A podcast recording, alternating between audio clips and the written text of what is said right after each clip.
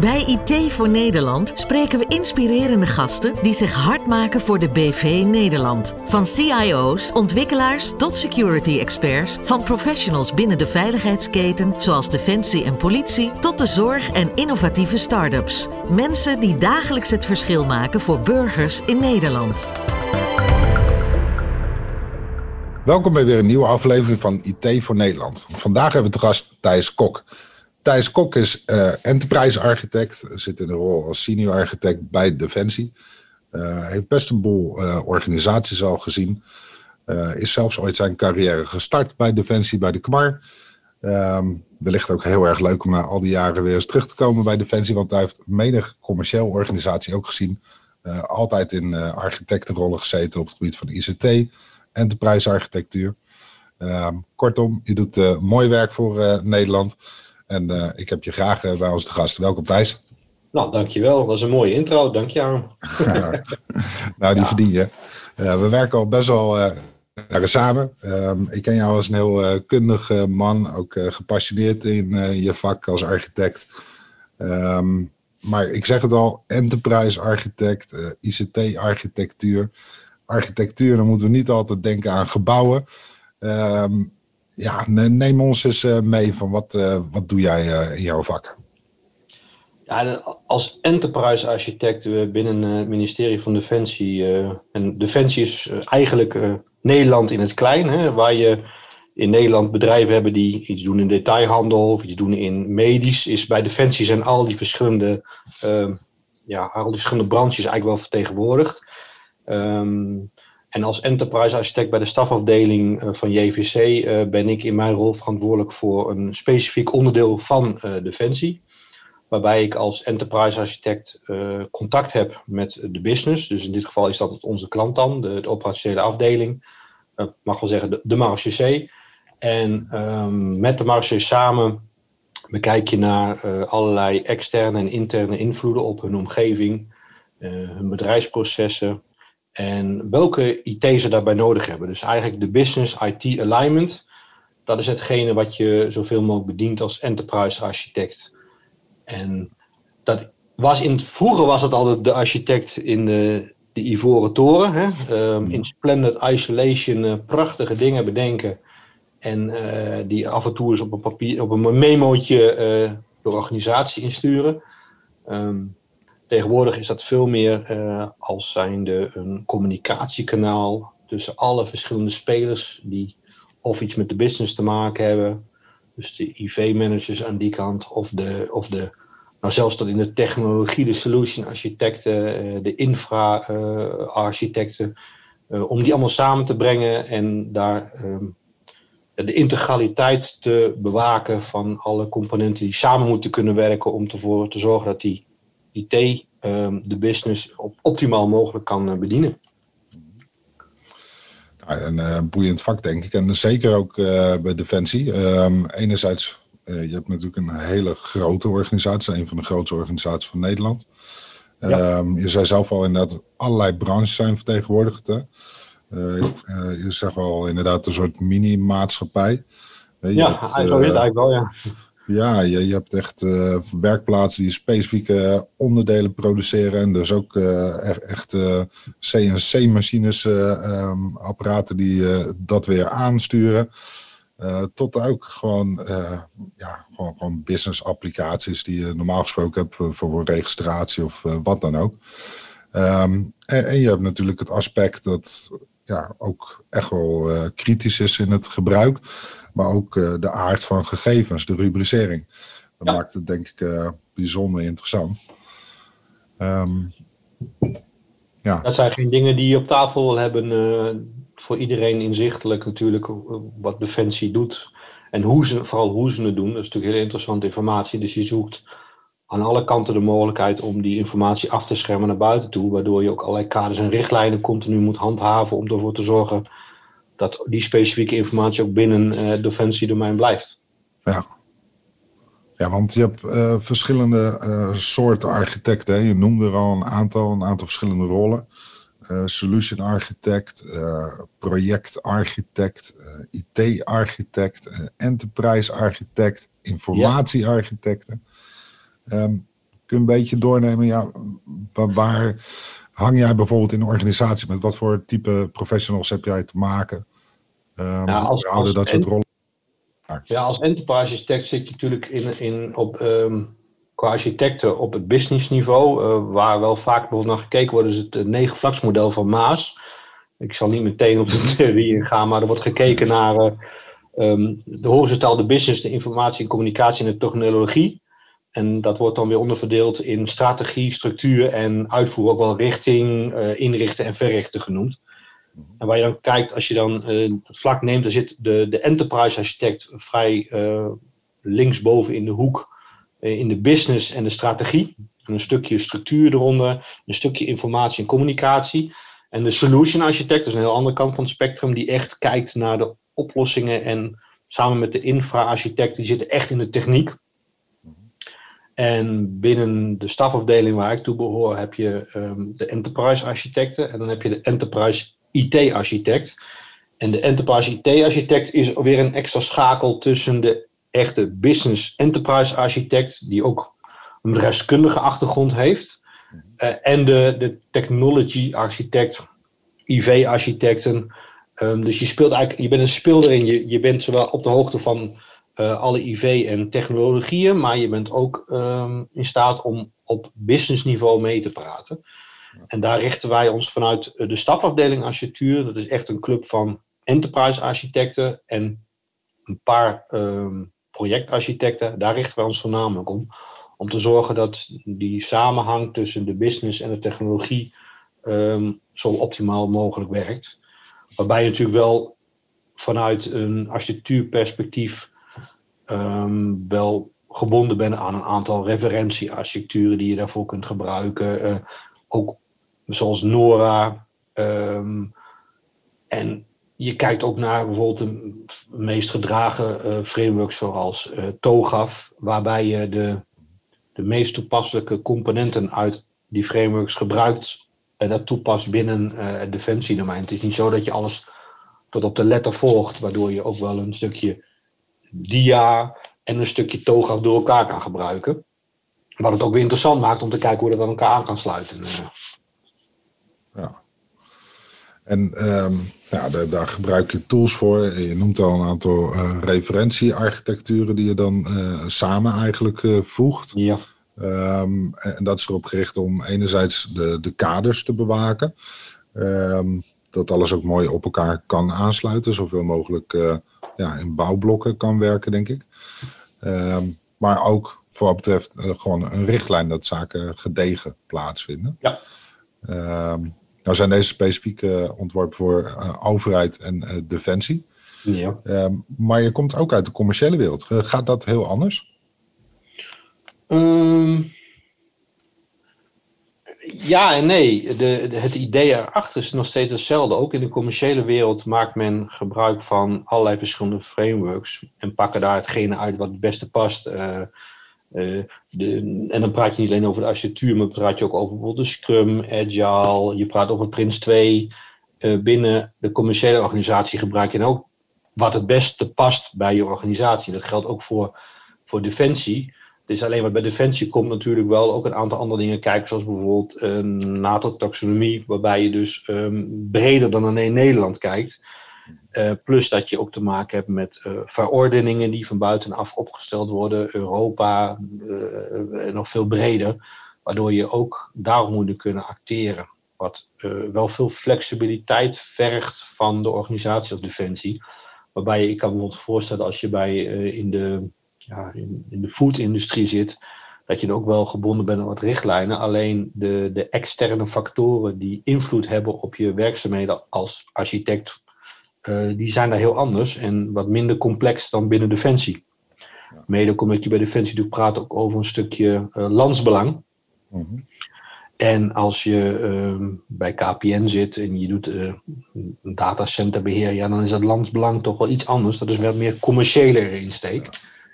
En dat landsbelang binnen Defensie, ja, dat, dat, dat zit overal ingebakken als, als een, een, basis waar je vanuit acteert. Want uh, merk, hoe merk je dat in de, de cultuur? Nou ja, de, het motto van, de, van JVC Defensie is: wij gaan door waar anderen stoppen. Dus je gaat toch altijd nog weer net even op zoek naar een manier, een techniek, een methode om als er iets uit ligt, toch nog door te kunnen gaan om die mensen in het veld te kunnen ondersteunen. Mm waarbij je ook soms natuurlijk eh, plekken komt in de wereld waar uh, de infra daar niet zo in elkaar zit als in Nederland.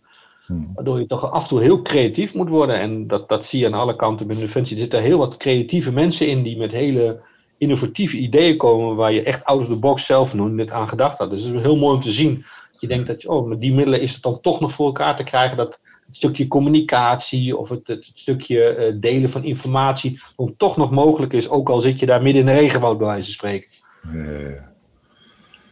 Ja ja, dat, uh, dat, dat is denk ik ook wel mooi, hè? dat het uh, niet aan één locatie gebonden is of, of een paar satellietlocaties, um, maar veel meer op uh, overal ter wereld kan plaatsvinden.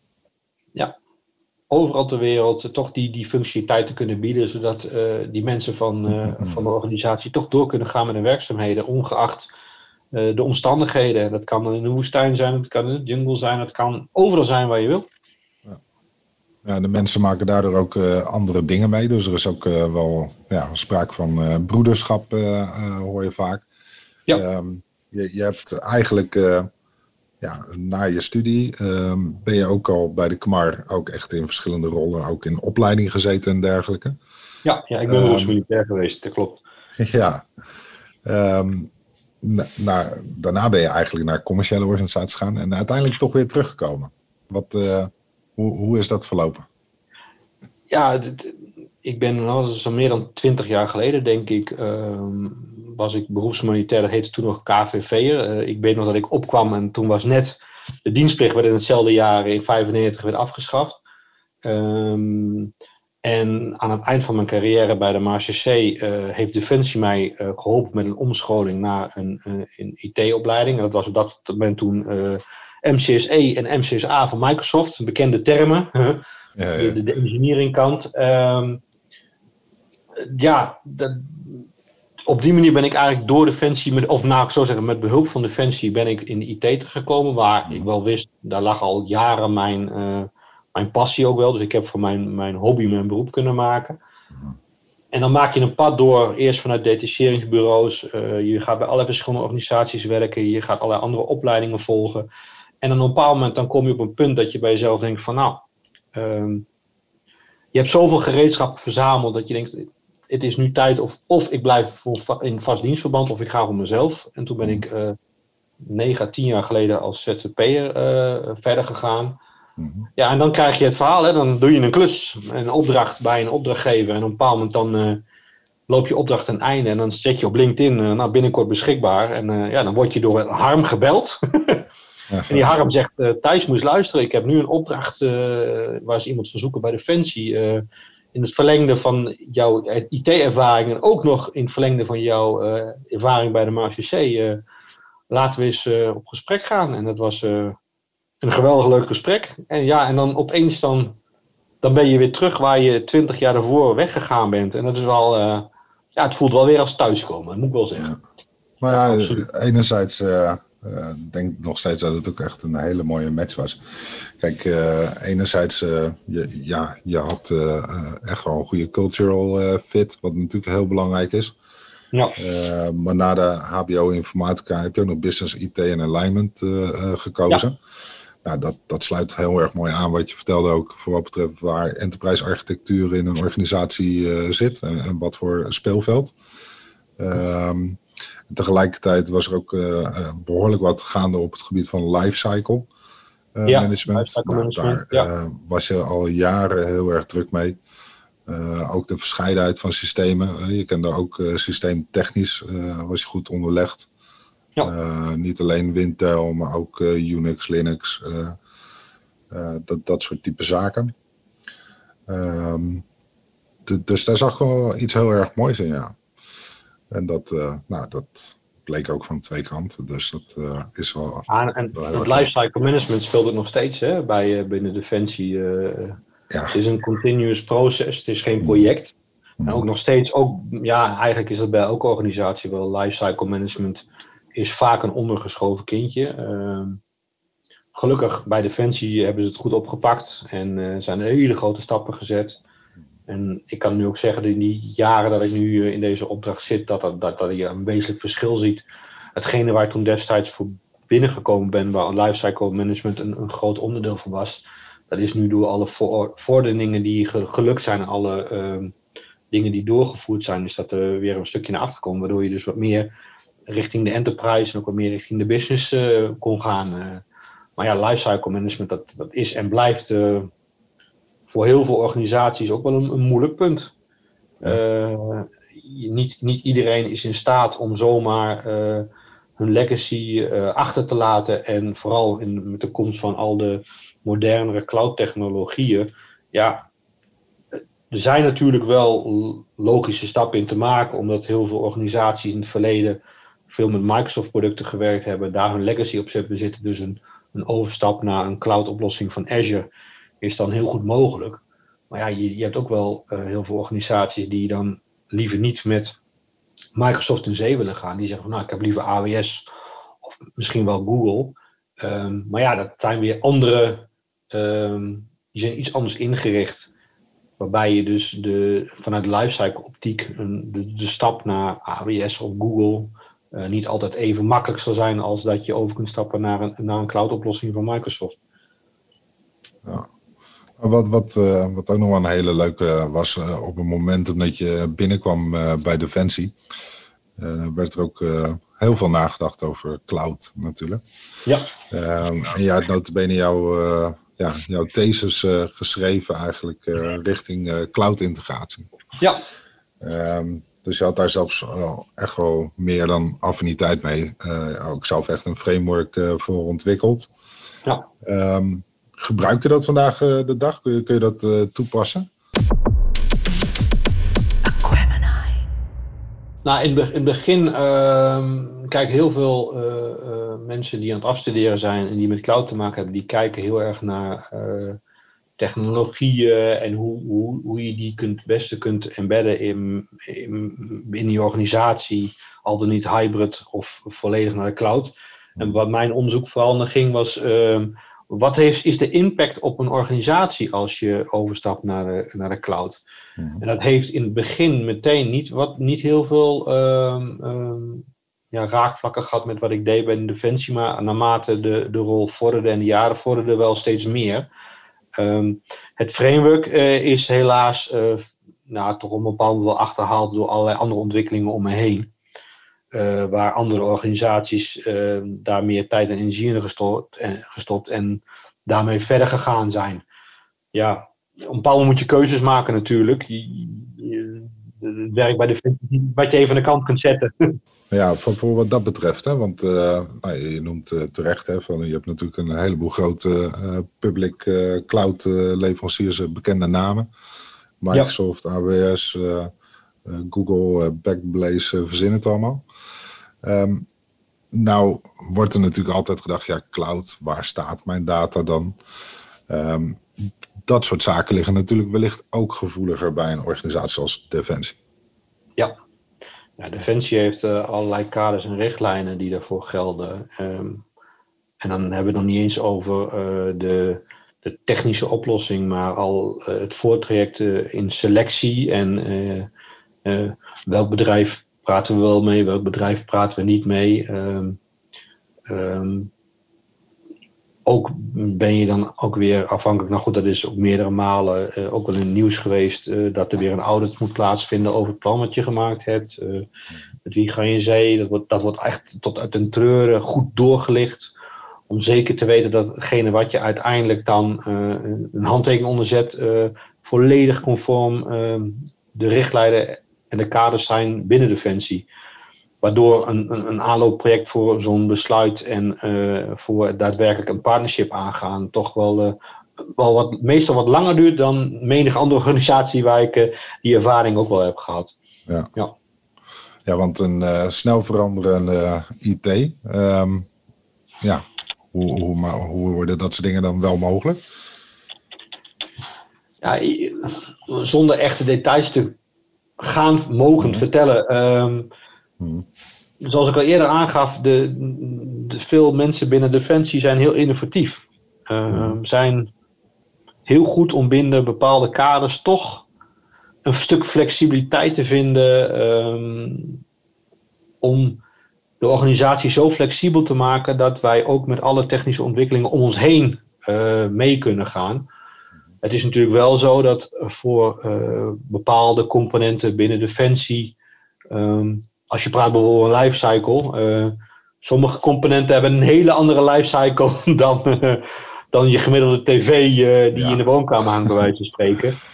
Ja, zit een component ja, die, die gaan, die gaan, dat, dat, dat is niet een lifecycle voor, voor een jaartje of drie, vier. Dan praat je wel over een jaartje of vijftien. Ja. Dus daar wordt wel wat anders mee omgegaan. Ehm, ja, goed, de, de, technieken, op een of andere manier zullen we daar wel in mee moeten. En daarvoor worden wel, wordt wel gekeken naar van ja, wat voor opties zijn er in de markt en waar kunnen we eh, ja, in meegaan om ervoor te zorgen dat die flexibiliteit eh, wel gewaarborgd is. Want ja, ook Defensie moet met sommige dingen ook mee met eh, de, de, de, updates die uitkomen, security-richtlijnen. Ja. En ja, sommige eh, producten zijn dan geen maatwerk en wel komen op de shelf. Ja, dan moet je dan wel zorgen dat je daarin mee kunt gaan. Ja. Dus in dat opzicht, eh, ehm, ja, we merken het wel. En er zijn ook wel veranderingen waardoor we nog beter mee kunnen gaan met die, die snelheid van die technische ontwikkelingen om ons heen. Ehm, maar ja, dat is als architect ook je constant eh, laten informeren door alle mogelijkheden buiten Defensie. En kijken in hoeverre kun je dat toepassen binnen Defensie. Naar aanleiding van de, de wensen van, van, van je, je domein waar je verantwoordelijk voor bent. En waar zij mee te maken hebben. En sommige domeinen die kunnen wat langer met eh, bepaalde eh, hardware en software eh, uit de voeten. En andere die, ja, die, die zullen toch wel iets meer vaart moeten maken om mee te kunnen gaan met die, met die ontwikkelingen. Maar het moeilijke vind ik altijd met life cycle management. En zeker bij een organisatie zoals Defensie, ook vanwege ja, gewoon de, de grootte en de, de historie, maar ook de diversiteit. Is dat eh, de waarheid soms gewoon, eh, eh, of de werkelijkheid, is gewoon weerbarstig soms. Ja. Dus het, die 90% eh, eh, ja, kun je relatief eenvoudig updaten. Ehm, maar je hebt natuurlijk leveranciers die misschien niet meer bestaan of gewoon niet ondersteunen wanneer je een nieuwe update gaat doen. Dus, dus dan kun je vanuit security oogpunt eh, natuurlijk eh, hoog en laag springen soms. Ehm, maar als daarmee de inzetbaarheid van eh, ja, misschien wel iets wat kritiek wordt geacht door de business in, in het gevaar komt, ja, dan kan het wellicht gewoon niet plaatsvinden. En dan kom je al heel gauw op eh eh, nieuwbouwtrajecten, die, die wellicht dan alweer veel eerder hadden moeten aanvangen en ook heel kostbaar zijn. Et cetera. Is, is wel zo, maar ik moet wel zeggen is dat ehm, de hele kritieke en cruciale eh, componenten binnen Defensie ehm, toch wel heel goed in de gaten gehouden worden. Ja. Ze, ze doen er alles aan om ervoor te zorgen dat de, de, de, de, uiteindelijk de, de, de persoon in het veld eh, niet ehm, belemmerd kan worden door iets wat met lifecycle te maken heeft of met, eh, met updates ehm, opgelegd door leveranciers. Eh, daar wordt echt heel goed over nagedacht. Zelfs misschien wel wel extra aandacht aan besteed. Om te zorgen dat je die mensen eh, gaan echt voor alles. En hun veiligheid eh, is ook het belangrijkste wat er is. Dus daar doen we binnen Defensie alles aan om daar toch dusdanige mitigerende maatregelen te treffen dat dat, dat altijd door kan gaan. Ja, ja, dat, dat, dat is goed inderdaad. Hey, en ehm, nu, nu ehm, je zei al van je zit eigenlijk binnen de Kamar, de Marechaussee. Ehm nu heb je natuurlijk best wel eh, verschillende krijgsmachtonderdelen. En eh, nou, ze zijn letterlijk eh, te herkennen aan een andere kleur. Nu, nu ben je zelf burger. Ja. Hoe gaat dat onderling? Mer- Merk je daar verschillen? Heb je veel te maken met andere krijgsmachtonderdelen? Eh, ja, nou en of. Er er zitten een aantal militairen bij ons op de stafafdeling. Ehm, maar of je nou burger bent, militair bent, ehm, intern of extern, ehm, je bent één JVC, één defensie. Ja. Daar wordt geen onderscheiding gemaakt. Collegialiteit. En, ja, de collegialiteit en iedereen is ook heel behulpzaam en er is ruimte voor, voor allerlei je persoonlijke ontwikkeling. Uh, gezinssituaties uh, die af en toe anders zijn. Nou, in deze coronatijden, uh, wat, wat voor een interne medewerker geldt, geldt ook voor een externe medewerker. Want je doet uiteindelijk met z'n allen als team, zorg je ervoor voor die man in het veld dat hij zijn werk kan doen. En daar maken ze binnen Defensie ehm, helemaal geen onderscheid in. Ja. Natuurlijk heb je wel verlofdagen werk anders als je zelfstandige bent. Uh, het aantal uur dat je werkt, werkt weer anders. Maar iedereen is een medewerker van Defensie, ongeacht of je militair, burger, in of extern bent. Uh, het geldt voor iedereen hetzelfde. Iedereen moet met plezier naar zijn werk kunnen. Dat is ook een motto uh, binnen onze stafafdeling architectuur. Ehm, een van de vijf hoofdpunten is dat je met plezier naar je werk kunt gaan. En dat je met plezier met je collega's ehm, je werk kunt doen ook. En dat je daar ook de middelen voor hebt om het te kunnen uitvoeren. Dus in dat opzicht uh, is het een, uh, wat ik al eerder zei, het is, uh, ik heb dan ook bij de, bij de MARC gewerkt. Ik ben nu weer als IT'er burger terug. Mm. En dan ben ik ook nog een externe. Maar het voelt gewoon als ik, uh, ik hoor er gewoon bij. Thuiskomen, ja. ja. Ja. het is gewoon echt, ja, het is gewoon echt thuiskomen. Ja. Absoluut, ja. ja. Nou, ik vind het eh, ook een machtig mooie organisatie. Hè? Even los van het uh, vakinhoudelijke. Kijk, uh, maatschappelijke taakstelling is denk ik heel belangrijk. Wordt alleen maar belangrijker in de wereld zoals we die vandaag hebben. Ja. Um, maar, maar ook de cultuur. En um, nou ja, broederschap, werk privé. Dus, dus gewoon als werkgever is het denk ik heel erg goed. Maar ook als je gewoon kijkt eh, hoe mensen met elkaar omgaan. Hè? Dus een bepaalde gedrevenheid. Nou, dat vertaalt zich ook in innovativiteit, wat je, wat je zei. Ja. Maar uh, het is ook een organisatie waar, uh, ja, je hebt uh, rangen en stangen.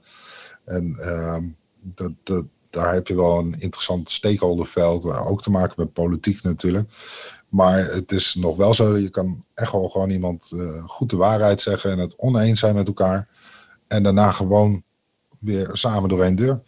Ja. Dat zijn ook dingen die uh, ja, gewoon heel anders uh, gaan dan je in uh, veel organisaties ziet hoor. Ja. Kijk, de, de, de, de rangen en standen gelden natuurlijk wel meer als je echt in het veld zit als militair en je bent niet met, zoals ik, IT-gerelateerde zaken bezig. Ja.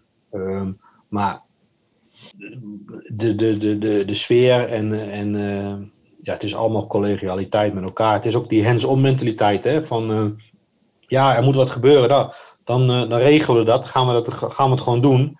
En er wordt niet uh, gekeken van uh, of dat nou binnen of buiten werktijd is. het gaat uiteindelijk om dat, het, dat diegene die zijn werk moet doen in het veld zijn werk kan doen. En ja, daar doet iedereen dan ook alles voor. Ja, mooi. Hey, en um, ja, jouw vakgebied staat niet stil. Nee. hoe, nee. hoe, kijk jij naar de toekomst van de architectuur als werkveld of jouw rol? Ja, nou ja, goed, je hebt natuurlijk wel een, sowieso al een verandering doorgemaakt. Hè. Ik kan me nog herinneren dat ik toen ik in de IT begon, um, wat ook eerder al waren, die, die, die architecten in die ivoren torentjes die in splendid isolation uh, allerlei dingen bedachten en dat dan uh, bijna met een vliegtuigje uit de toren naar beneden gooiden, een papiertje en dan kon je het opvangen en dan kon je er wat mee gaan doen. Um, die tijd van architectuur is er niet meer. Um, je hebt natuurlijk andere manieren van werken. Uh, heel veel, in het verleden was het altijd heel veel waterval. Hè. Je, je rolt iets af en je gaat door naar het volgende. Dat, dat agile, scrum, dat, die DevOps, dat werkt ook allemaal door voor architecten.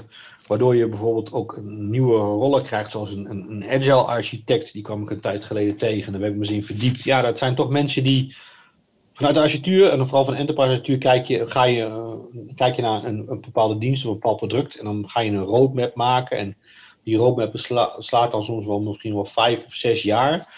Maar ja, tegenwoordig, de IT gaat zo snel en er verandert zoveel in de wereld zo snel dat ja, het wordt allemaal wat kort, korter cyclisch.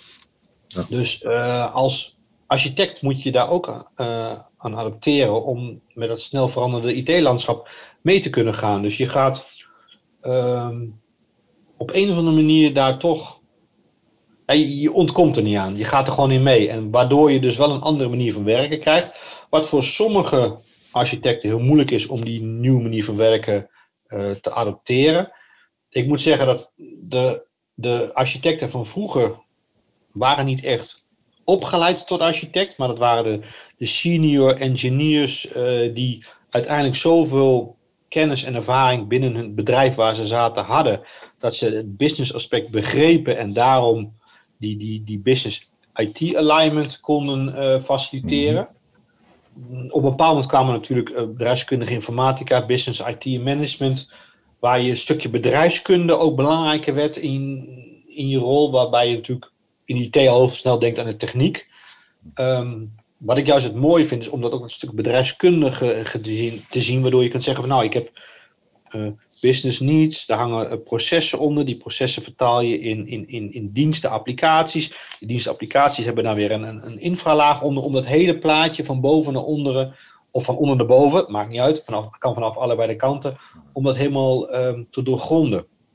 En die nieuwe architectuurrol, gecombineerd met uh, het veelal agile werk op dit moment, ik denk dat dat de toekomst wordt. Dus architectuur op kort cyclisch um, en niet meer uh, ver vooruit denken en ook niet meer volledig vasthouden aan allemaal standaarden, maar kijken van wat past op dit moment het beste bij een organisatie. Dan koppel ik het even los van defensie, maar wat is de, de behoefte van een organisatie op dit moment? Hoe snel gaan de ontwikkelingen daaromheen?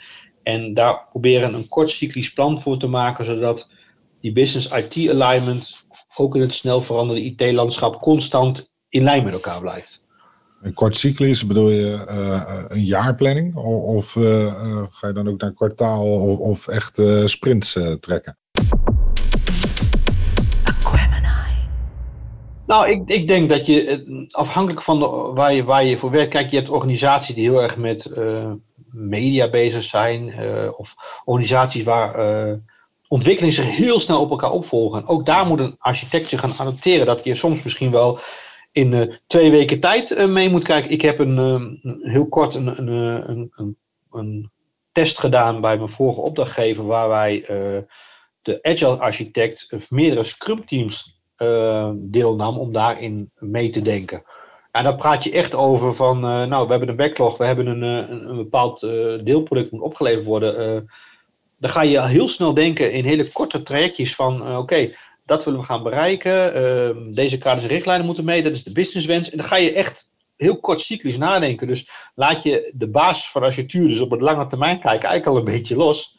En kom je in een nieuwe soort rol terecht. Ja, dat maakt het ook wel af en toe wat interessanter natuurlijk. Want het is niet leuk om altijd over een hele lange periode na te denken. Het is ook soms om, leuk om te zien hoe kort cyclisch uh, er weer iets nieuws ontstaat. Het wordt concreet, krijg je resultaten te zien. Ja, ja. ja. ja.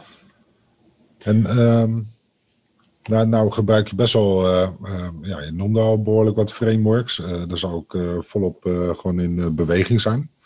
Um, je gebruikt tools, Archimate, Scorpio.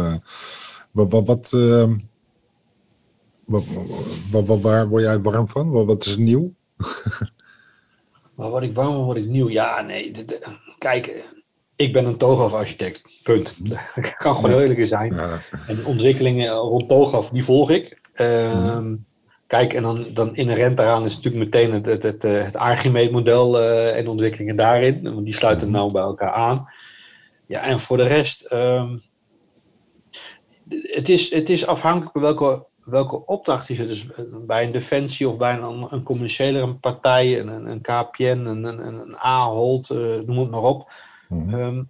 er is niet één beste methode. Um, het, ook daar moet je kijken van wat is de businessbehoefte en wat, welke, welk framework sluit daar het beste bij aan.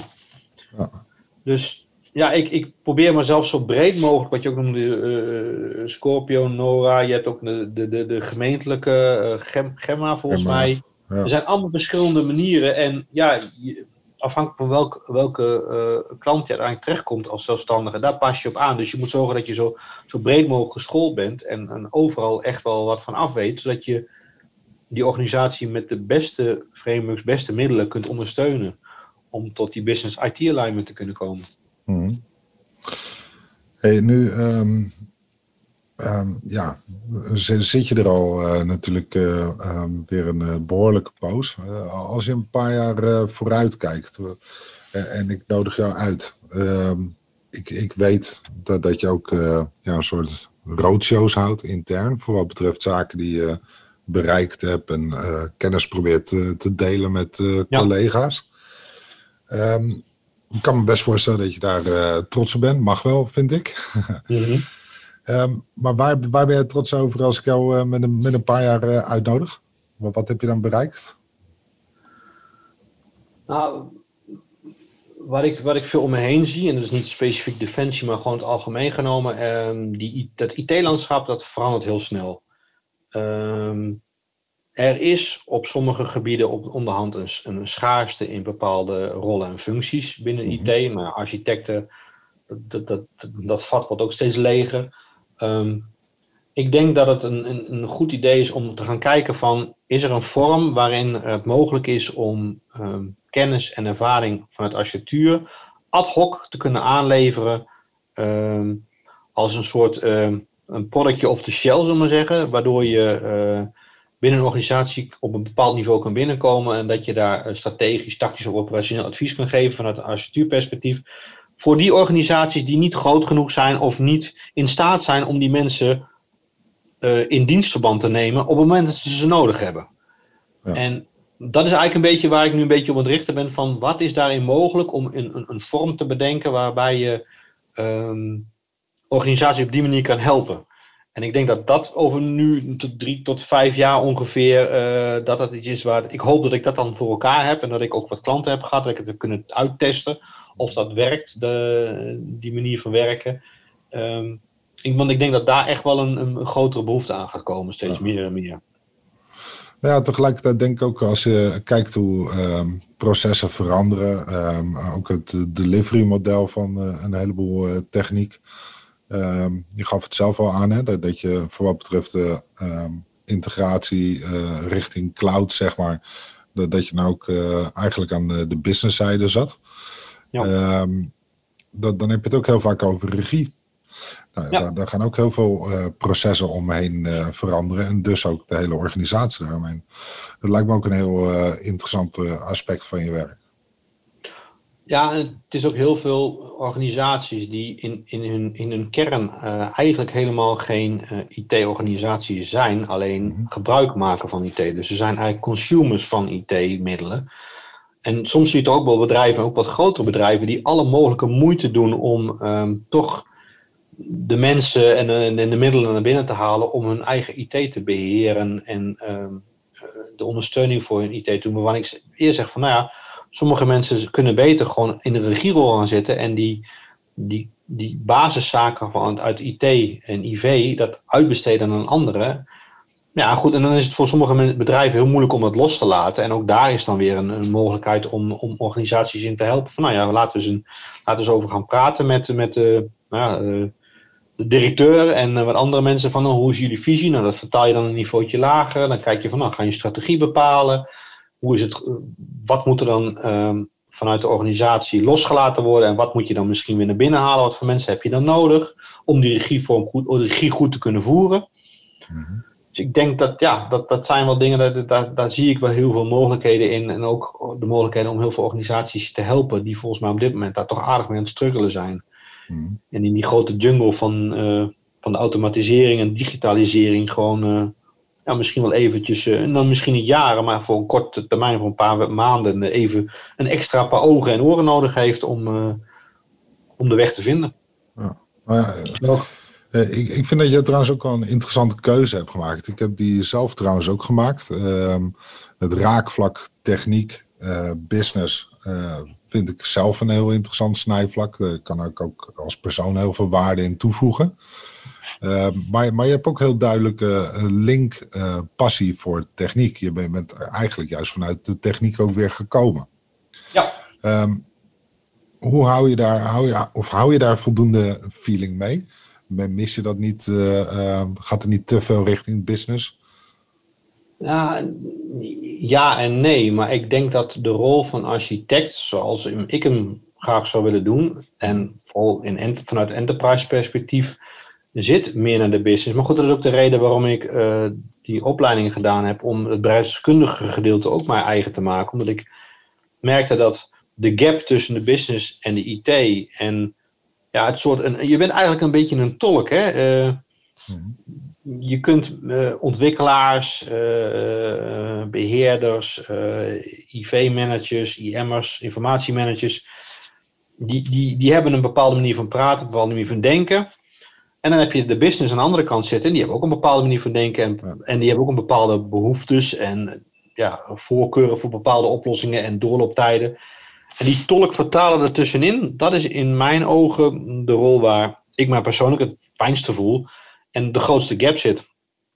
De, de, er zijn zoveel organisaties die heel goed zijn in het technische gedeelte. Um, ja, ik probeer juist het gat te vullen van die, die, dat alignment vraagstuk. Uh, omdat daar uh, op dit moment de grootste behoefte aan voor is. En uh, ja, er zijn genoeg andere organisaties die zich helemaal gespecialiseerd hebben in de technische implementaties. Die taal moet je wel spreken. Dus je, moet wel constant kijken van welke ontwikkelingen zijn er op technologisch gebied. Ehm, maar goed, welk vinkje moet ik in welk scherm zetten om een bepaald component te installeren? Ja, daar ga ik me niet meer mee bemoeien. Want er zijn andere, andere mensen die zijn daar veel beter in. En die hebben daar jaren nog voor doorgestudeerd. Nou, dat heb ik wel losgelaten. Maar ik vind het nog steeds leuk om thuis mijn eigen computer in elkaar te zetten. Dat, dat, dat gebeurt nog steeds. Ja, al die losse onderdeeltjes, dat, dat, is nog steeds ontzettend leuk om te doen. Uh, absoluut. Mooi man, mooi man.